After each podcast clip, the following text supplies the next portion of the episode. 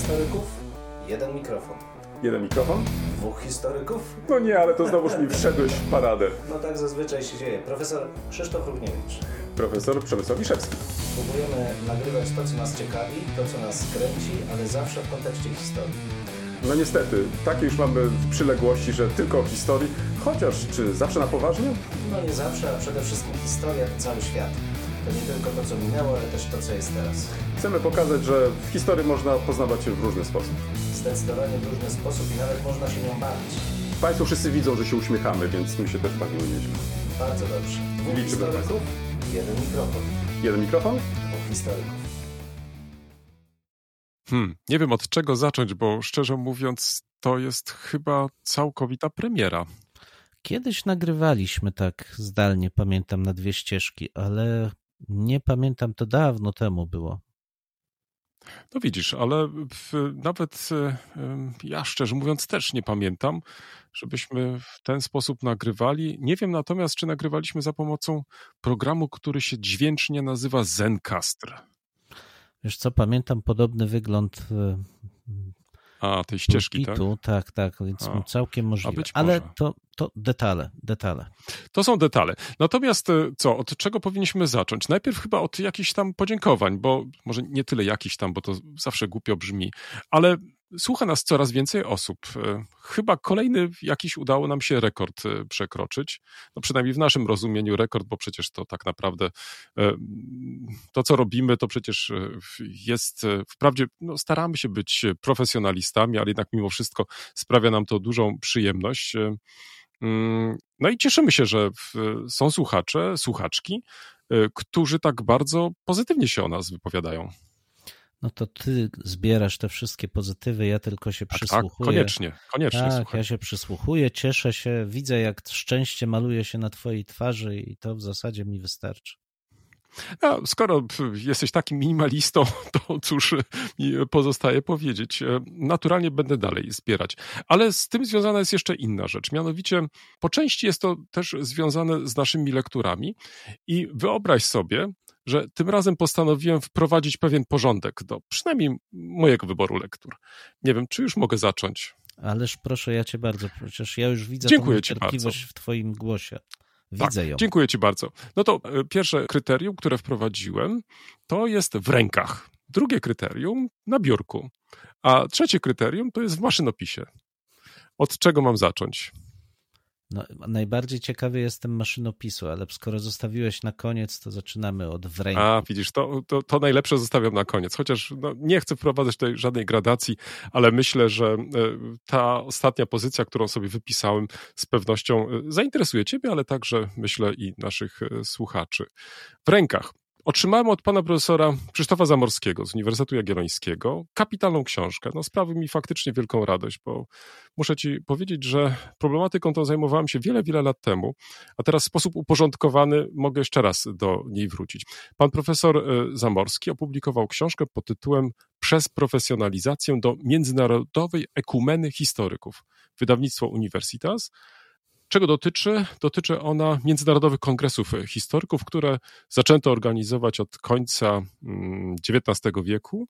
No i, no i to, jest, to jest dobre pytanie, czy ten y, najnowszy mm, odbędzie się w tym roku, a ma się odbyć y, być może, jak pamiętasz, w Poznaniu. Ale mm, trudno chyba dzisiaj jeszcze y, powiedzieć, czy faktycznie dojdzie do skutku. Niezależnie od tego, to co interesowało profesora Zamorskiego, to pierwsze 50 lat e, funkcjonowania tych e, kongresów. E, Warto może dodać, że mm, często się nie odbywały w Polsce, przed wojną tylko raz w Warszawie. Jest to bardzo ciekawa rzecz. Podczytuję sobie od czasu do czasu, kiedy nie czytam innych książek, ale chcę e, potraktować tą książkę jako pewien pretekst. Mianowicie, e, szukając e, informacji o tej książce, trafiłem, wyobraź sobie, na podcast, e, który jest mm, tworzony przez pracowników Instytutu Historycznego Uniwersytetu Jagiellońskiego. I muszę Ci powiedzieć, że bardzo zainteresował mnie ten podcast. Zatytułowano go e, Kliona Gołębiej, podcast historyczny tworzony przez historyków profesjonalistów. No bo jakże inaczej. E, skoro przez historyków, to także i tworzony przez profesjonalistów. I to, co Ciebie z kolei może zainteresować, a być może będziesz miał w najbliższych dniach trochę więcej czasu, to chociażby ostatni odcinek, który poświęcono temu, jak wyglądał pokój w nowożytnym klasztorze. Także zwróć uwagę, że e, i chyba myślę, że mm, powinno nas to coraz bardziej cieszyć, że także koleżanki i koledzy historycy odkrywają to medium dla siebie i w ten sposób e, próbują popularyzować e, swoją pracę. Fajnie, że dzieje się to też, że są instytuty historyczne, które zwracają baczniejszą uwagę na to medium mając też chyba na uwadze fakt, że w ten sposób świetnie popularyzują e, swoje dokonania i tym samym w jakiś sposób łączą e, to medium z miejscem swej pracy. Myślę, że warto to w jakiś sposób e, odnotować. Inna rzecz, na którą zwróciłem uwagę, książka frapująca. Muszę Ci powiedzieć, że podczytuję ją też z, ogromną, z ogromnym zainteresowaniem pod bardzo ciekawym tytułem. Ciemne typki. Sekretne życie znaków typograficznych. Pewnie byś pomyślał, Boże, po co on sięga, w, w czym on się w, no, pewnie byś powiedział, nie zajmuje.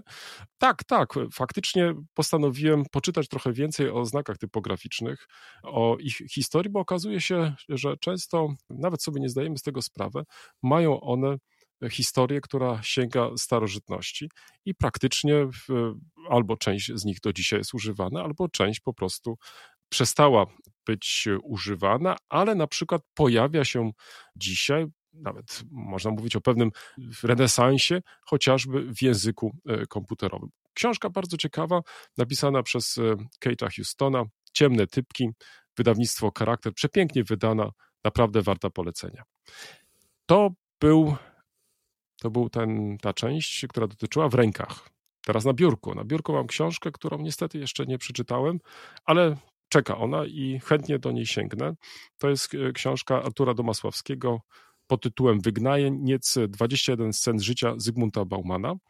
Co warto podkreślić, to także i Wrocław e, odgrywa w tej książce pewną rolę, ale jeszcze nie zdradzę, bo myślę, że dopiero po lekturze będę mógł coś więcej e, na ten temat powiedzieć. No i zakończę już e, tą wyliczankę. Mm, ostatnim moim kryterium. E, nazwałem je sobie w maszynopisie. Pewnie ciebie nie jest inaczej. Dostajesz e, różne teksty do przeczytania, czasami do recenzji, czasami do jakiejś oceny. Tym razem jeden z moich kolegów przesłał mi książkę, na którą czekałem długo. Trzymałem naprawdę kciuki, żeby udało mu się tą książkę napisać. Chodzi o znanego tobie pewnie też e, dziennikarza Gazety Wyborczej Bartosza Wienińskiego, który napisał książkę Pacjent Adolf Hitler i jego lekarze.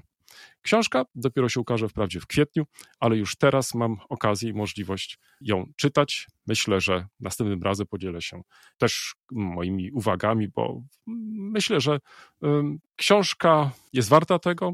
Ta problematyka jakoś w Polsce nie cieszy się jakoś szczególnym zainteresowaniem.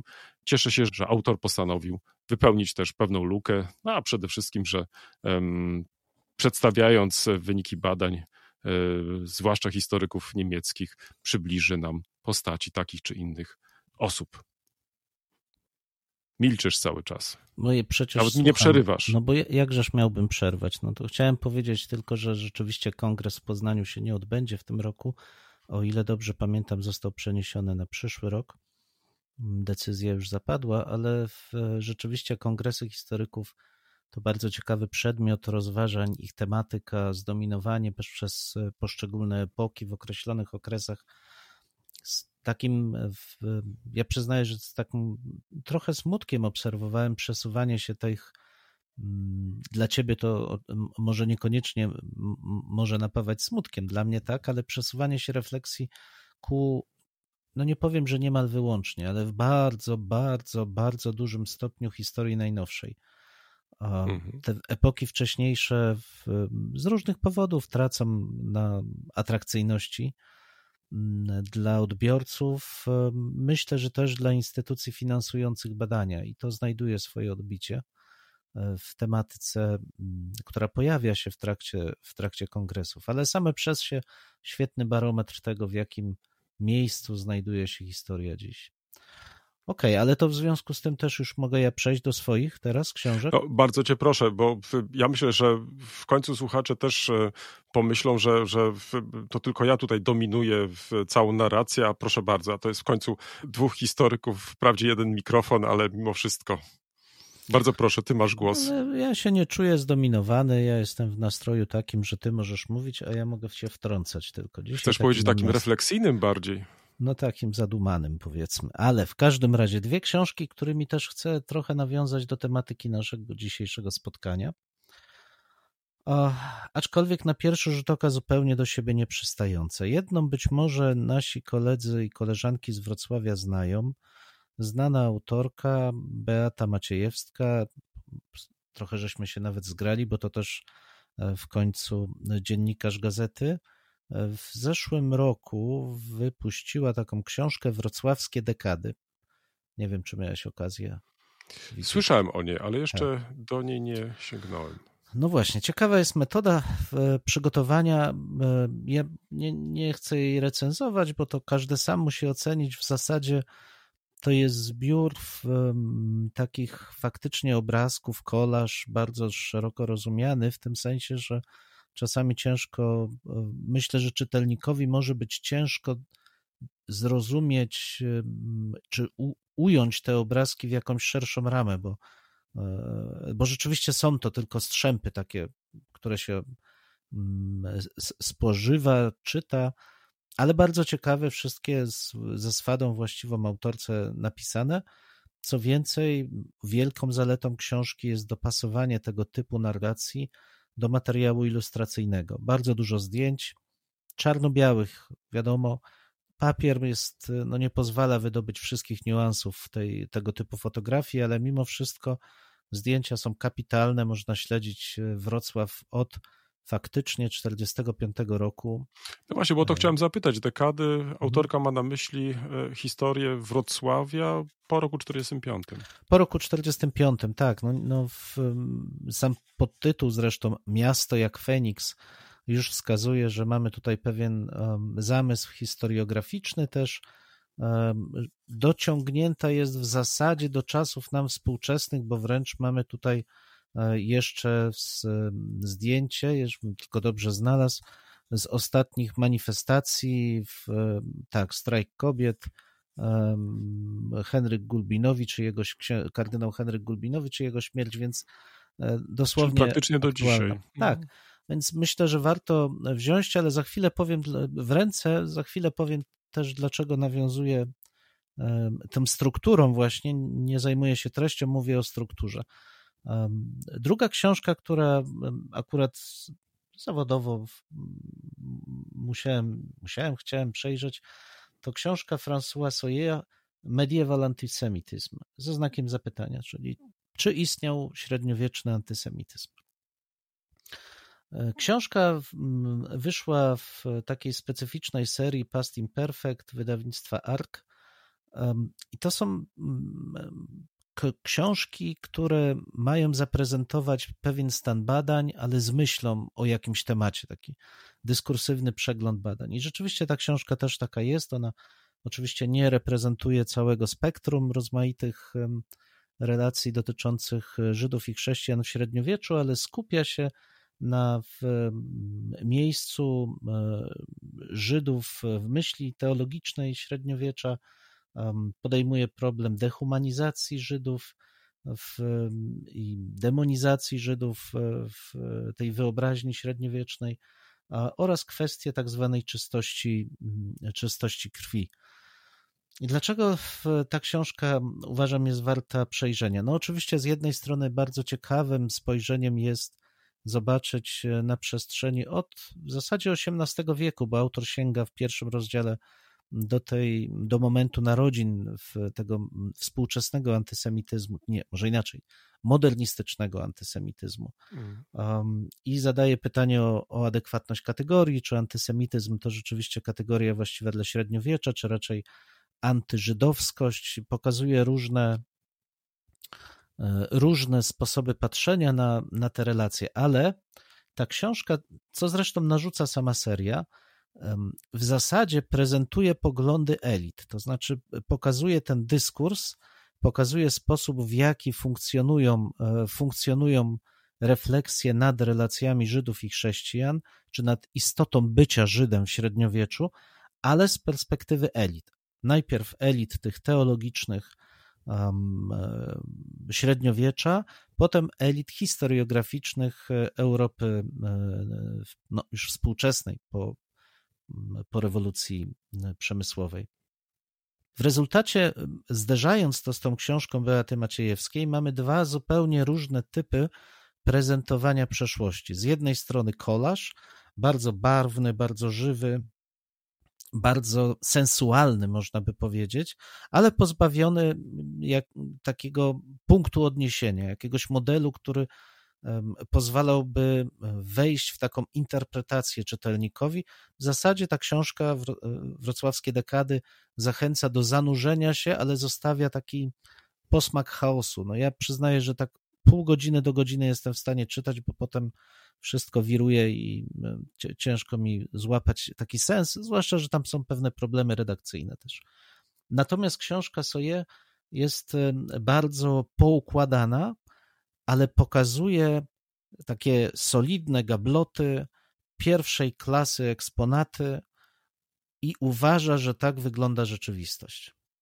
To znaczy, mhm. ten dyskurs elitarny przedstawia jako dyskurs całościowy, dotyczący całej kultury średniowiecza.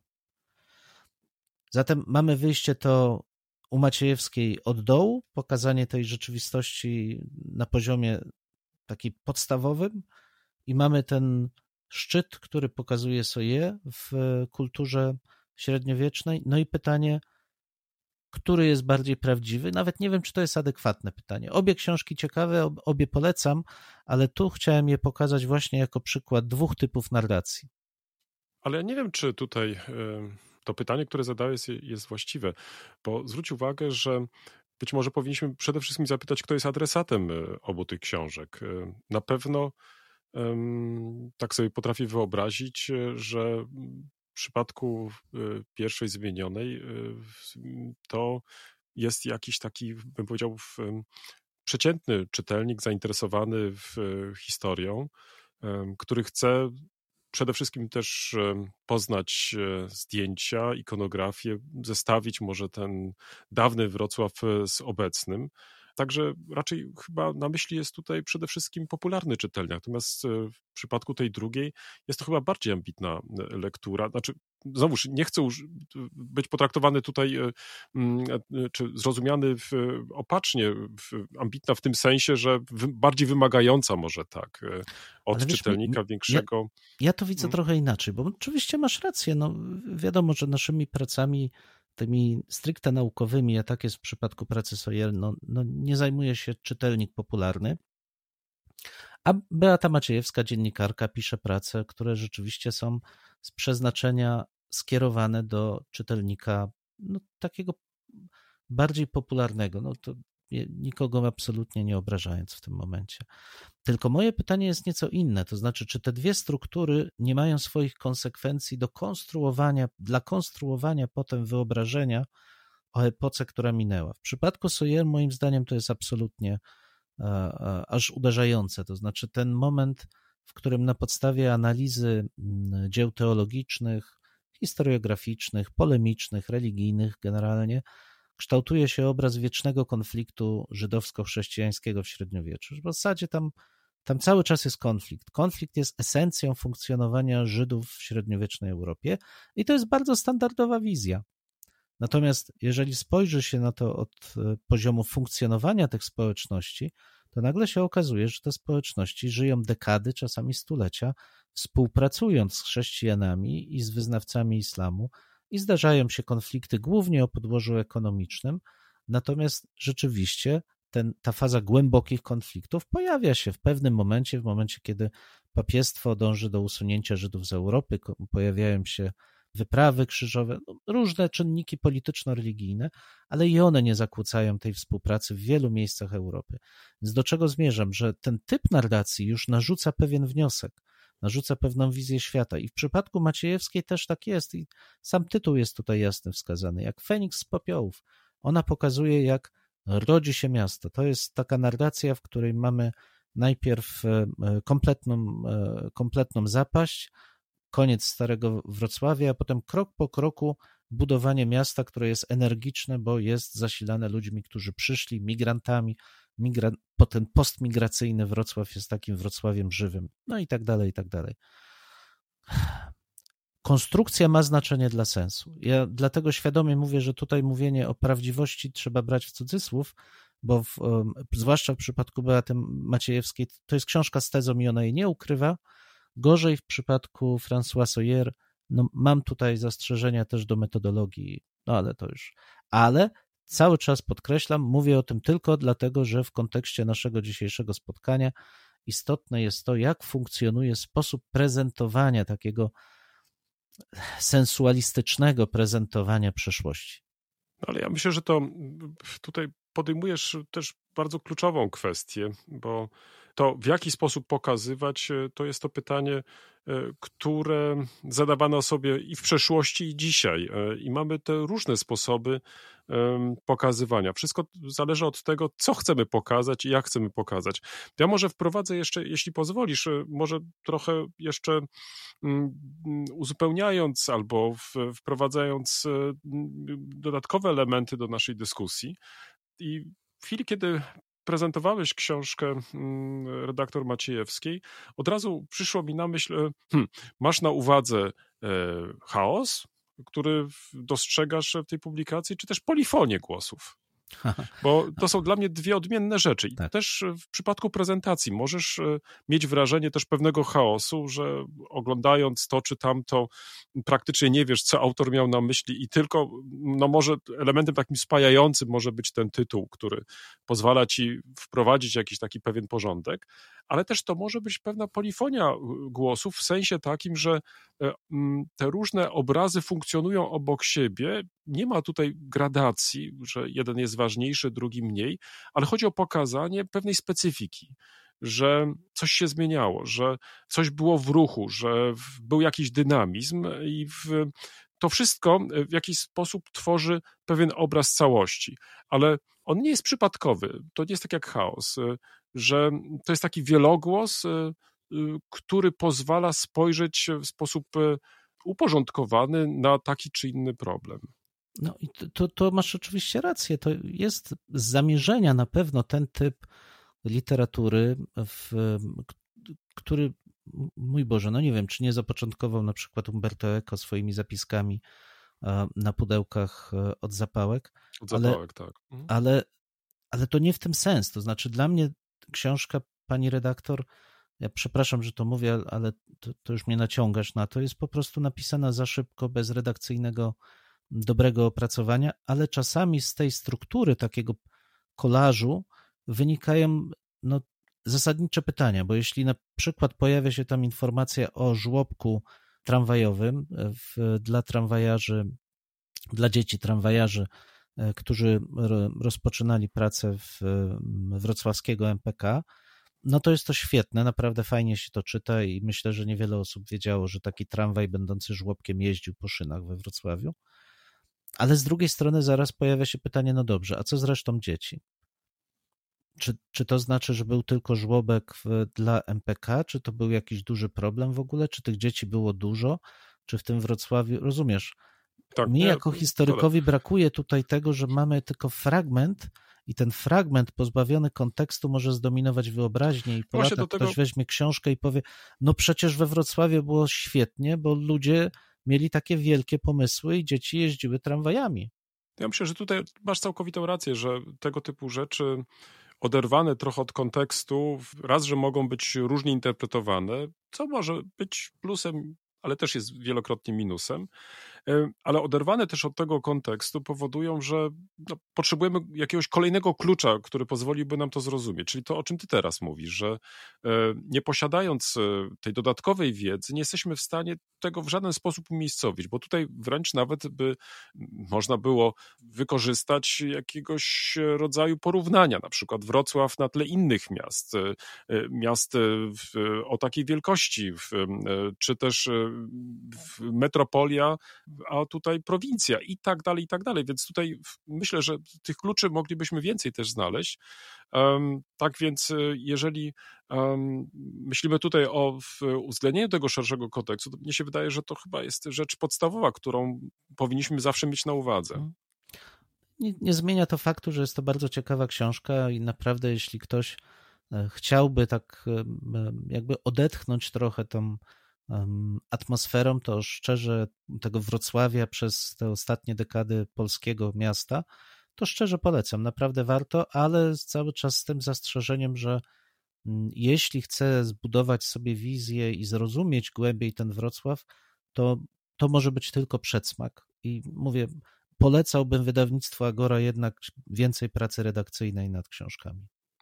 A może wiesz, no, zwróć uwagę, ja tak trochę tutaj występuję w roli tego, który stara się jednak bronić tego rodzaju publikacji. A może to jest mm, tak naprawdę ilustracja do wcześniejszych książek pani redaktor? No nie będę się wypowiadał.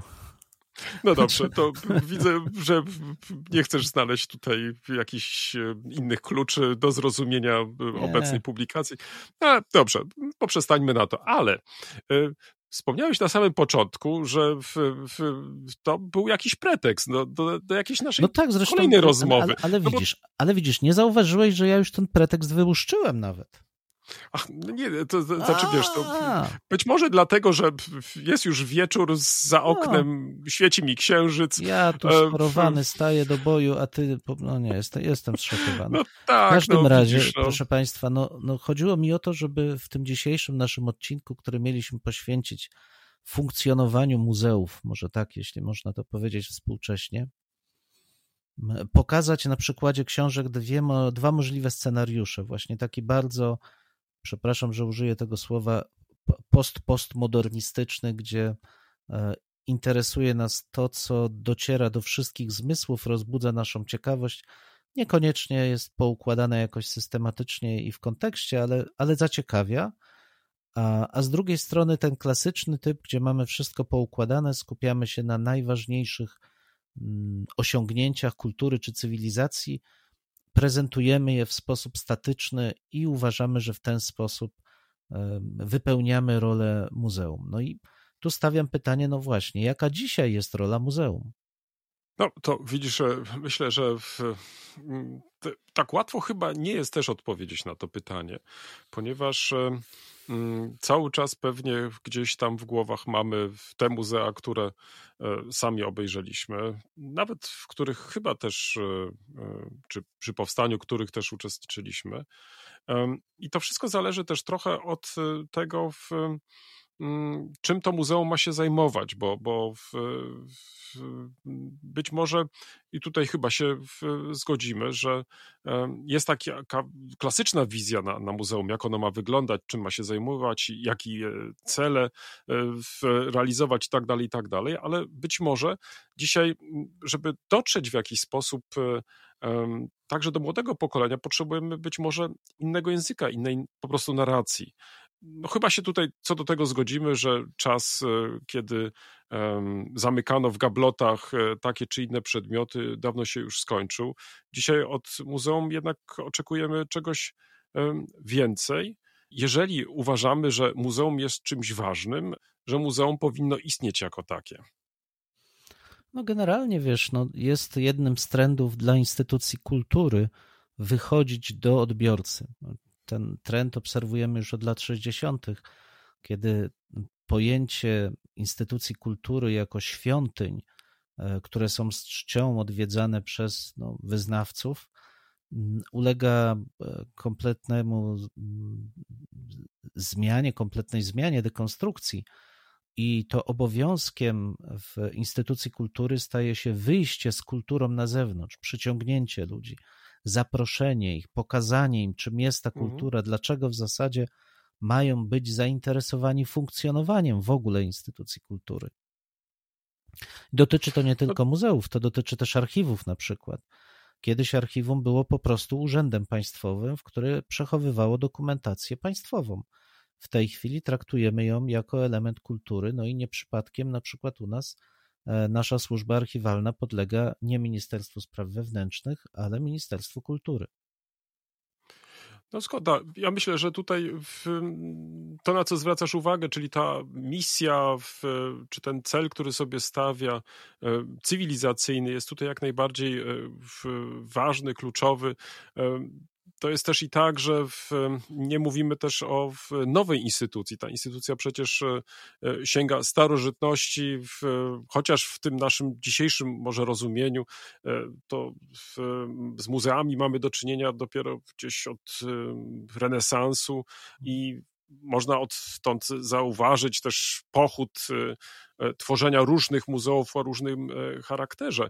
Ale tu zwracasz jeszcze na inną rzecz uwagę, to znaczy, bo mm, to jest e, tak, że Widzimy to od strony y, tych zwiedzających, czyli można było powiedzieć, że takie muzeum realizuje tą misję edukacyjną, czy też na przykład estetyczną, bo przecież ta też jest e, w końcu ważna, ale warto też spojrzeć i od drugiej strony, to znaczy, że takie muzeum ma też za zadanie gromadzić, e, opracowywać, a w końcu też i udostępniać. Mnie się wydaje, że tutaj też ciekawą rzeczą jest to, kiedy na przykład e, coś, co możemy nazwać depozytem, co jest y, takim elementem stałym też każdego muzeum, staje się eksponatem. No, staje się naturalnie wtedy, kiedy zaczynamy to wystawiać, kiedy chcemy to pokazywać. Tak więc y, myślę, że tutaj w tym takim klasycznym rozumieniu muzeum no przede wszystkim realizuje takie cele. Natomiast tutaj zwróciłeś jeszcze na inną rzecz uwagę, to znaczy, bo mamy tutaj zarówno te dobra materialne, jak i te dobra niematerialne. Mnie się wydaje, że tutaj jest też sporo możliwości, które można wykorzystać, ale oprócz tego pojawia się jeszcze inna rzecz, która jest związana dzisiaj z muzeami. To znaczy, one przede wszystkim powinny oddziaływać na emocje, to znaczy wywoływać też te emocje. Zwróć uwagę, że e, nie bez powodu e, wspomniałem o tych gablotach. E, być może one kiedyś były jakimś tam elementem zadowalającym zwiedzających. No dzisiaj mm, pokazywanie czegoś w kablotach po prostu jest, e, wydaje mi się, no nieporozumieniem już. Każdy oczekuje, że będzie mógł mm, przynajmniej dotknąć, przynajmniej przekręcić, krótko mówiąc, coś zrobić z takim czy innym przedmiotem, ażeby go jakoś tak haptycznie też w, sobie wyobrazić, e, żeby móc sprawdzić e, działanie i tak dalej, i tak dalej. Oczywiście nie z wszystkimi eksponatami jest to możliwe, no ale zwróć uwagę, że muzea dzisiaj też proponują sporo właśnie tego rodzaju chociażby zajęć, które pozwalają właśnie przybliżyć także z minionych epok e, na przykład sposób czerpania papieru, sposób bicia monet i tak dalej, i tak dalej. Czyli krótko mówiąc, takie muzeum staje się też takim miejscem, gdzie możemy sobie to wszystko jakoś e, wyobrazić, ale wyobrazić nawet samemu uczestnicząc właśnie w procesie tworzenia. No właśnie, to jest bardzo ciekawa obserwacja, że to, czemu służą muzea, w moim odczuciu nie uległo wielkiej zmianie, bo muzea miały przenosić nas w jakiś inny świat. Poznawaliśmy, czy mieliśmy poznawać, czy to byłaby kunstkamera gdzieś w XVI czy XVII wieku, w której bogaty patron gromadził rzeczy dziwne, kurioza, które pozwalały oglądającemu podziwiać jakieś wielkie jaja, strasznych potwory, a z drugiej strony piękne obrazy, narzędzia męki, uzbrojenie, wszystko, co było nietypowe, co przenosiło i rozbudzało wyobraźnię. Potem mamy muzea, które gromadzą rzeczy najpiękniejsze, ale właśnie po to, żeby znowu ocalić je? Na pewno, do pewnego stopnia tak ale poprzez wystawy pomóc znów wyprzenieść człowieka, wzbudzić w nim pewien specyficzny stan docenienia innej strony rzeczywistości. I to, co w tej chwili obserwujemy, to chyba dużo głębszy proces. E, swego czasu Umberto Eco też pisał o takim ulubieniu przez mieszkańców Stanów Zjednoczonych, takim ubóstwieniu wręcz dosłowności tej rzeczywistości, która powoduje, że wszystko trzeba przenieść w skali 1 do 1 z Europy, żeby móc to dotykać, doświadczać. I muzea dzisiaj pełnią podobną rolę, co wynika właśnie w tym stymulowaniu człowieka, co wynika chyba też z naszej pogłębionej wiedzy w ogóle o mechanizmach poznania, że człowiek nie poznaje tylko intelektualnie, nie poznaje tylko oczami, słowami, ale zapamiętuje, rozwija się dużo lepiej, jeśli może manipulować, jeśli może wykorzystywać dłonie, jeśli może sensualnie odbierać rzeczywistość, to dużo lepiej zapada nam w pamięć. Ale sama idea muzeum moim zdaniem się nie zmieniła. Jest po to, żeby poznawać, jest po to, żeby przenosić w inną rzeczywistość uczestnika.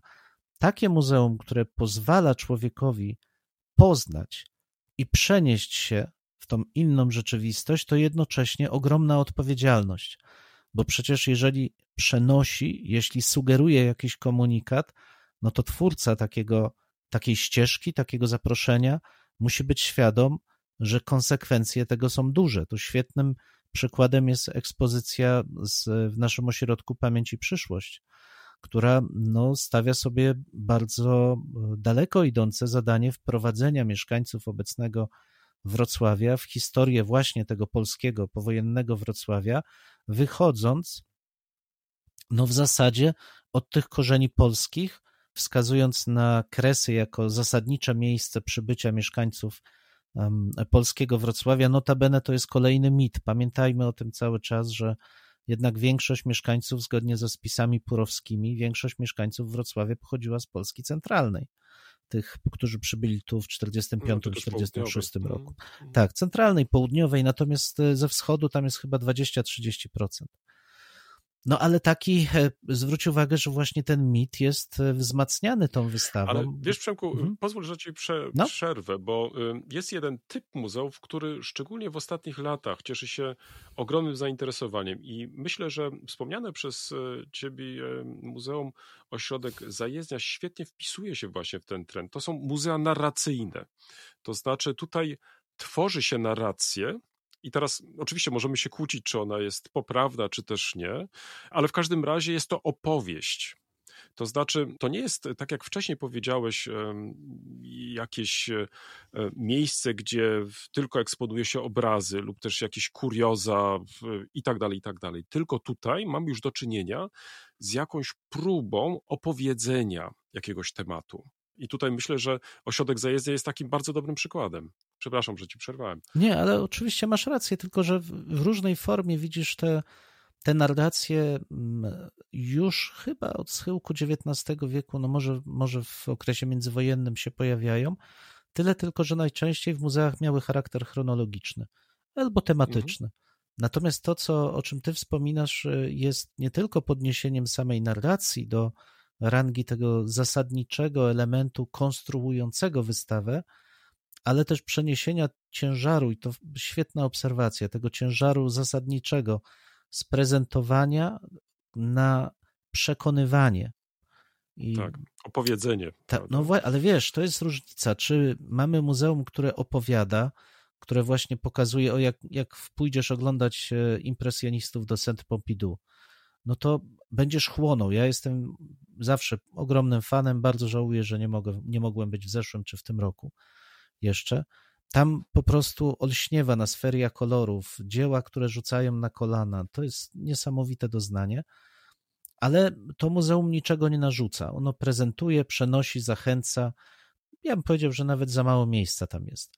Natomiast e, takie muzeum jak Zajezdnia, czy Muzeum Powstania Warszawskiego, czy nawet Muzeum w II wojny światowej, tu jednak mimo wszystko najważniejsze jest przekonanie chyba tego widza do czegoś. Nie ulega to wątpliwości, bo zwróć uwagę, że w, są to w większości muzea państwowe. I teraz moglibyśmy też y, tutaj spokojnie sformułować taką tezę, czy mm, nie jest to też y, po części realizacja pewnego zamysłu polityki historycznej, to znaczy takiej, jaką e, chce e, państwo w danym momencie mm, realizować.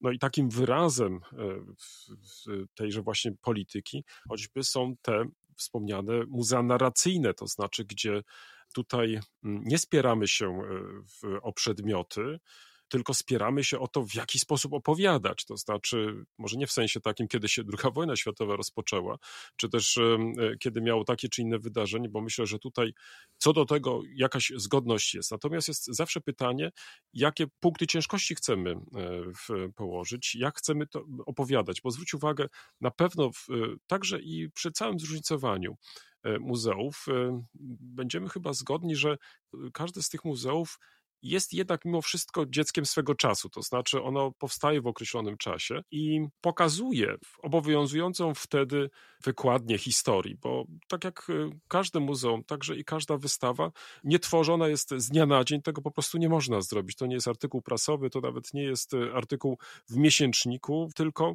taka wystawa, jeśli już jest y, stworzona, jest pokazywana przez następne lata i zanim zostanie wymieniona, no to przecież kilka tych lat e, upływa, więc nakłada się kolejna jakaś narracja, kolejna jakaś opowieść. Ale do tego wszystkiego dochodzi jeszcze kwestia emocji, to znaczy często jest też tak, że mm, tworząc taką wystawę narracyjną, ty też e, uwzględniasz ten element emocji. Ty musisz pływać jakoś e, na tą emocję. Zwróć uwagę, wspomniałeś wystawę Centrum Zajezdnia, ale na przykład warto choćby przypomnieć inną wystawę, jestem naprawdę pod wrażeniem tej wystawy.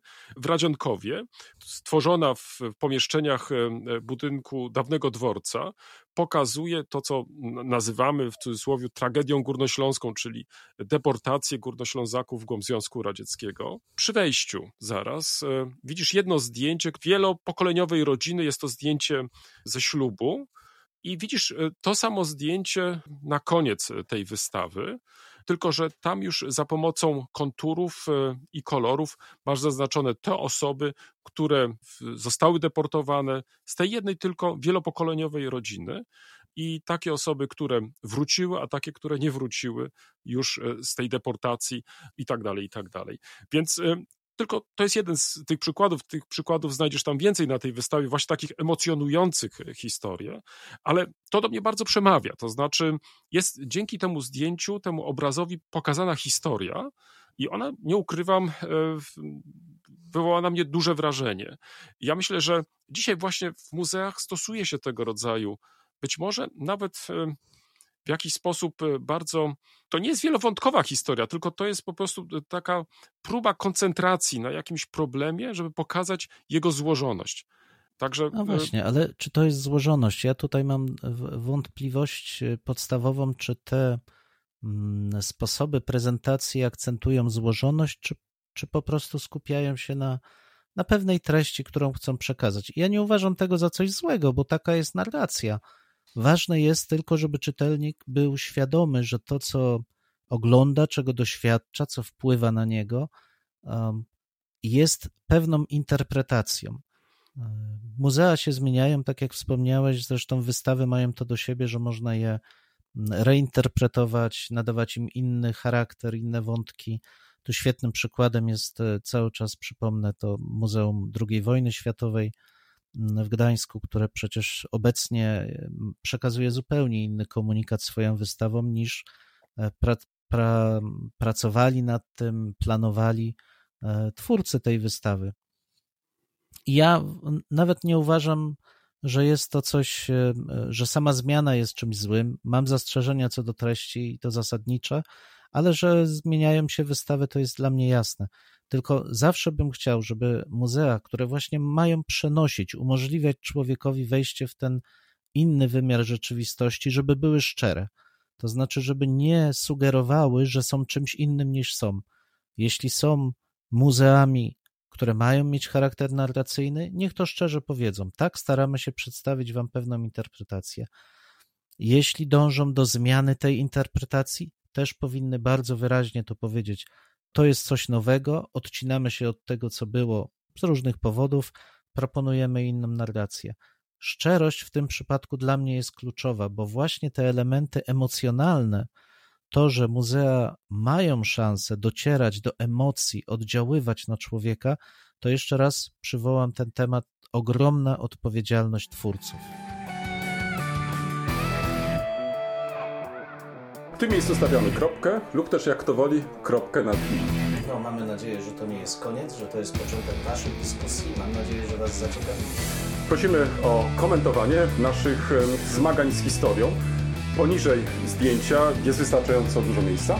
Pamiętajcie, nie regulujcie odbiorników. No my naprawdę tak już e, tak, chociaż być może czasami e, może trzeba ściszyć.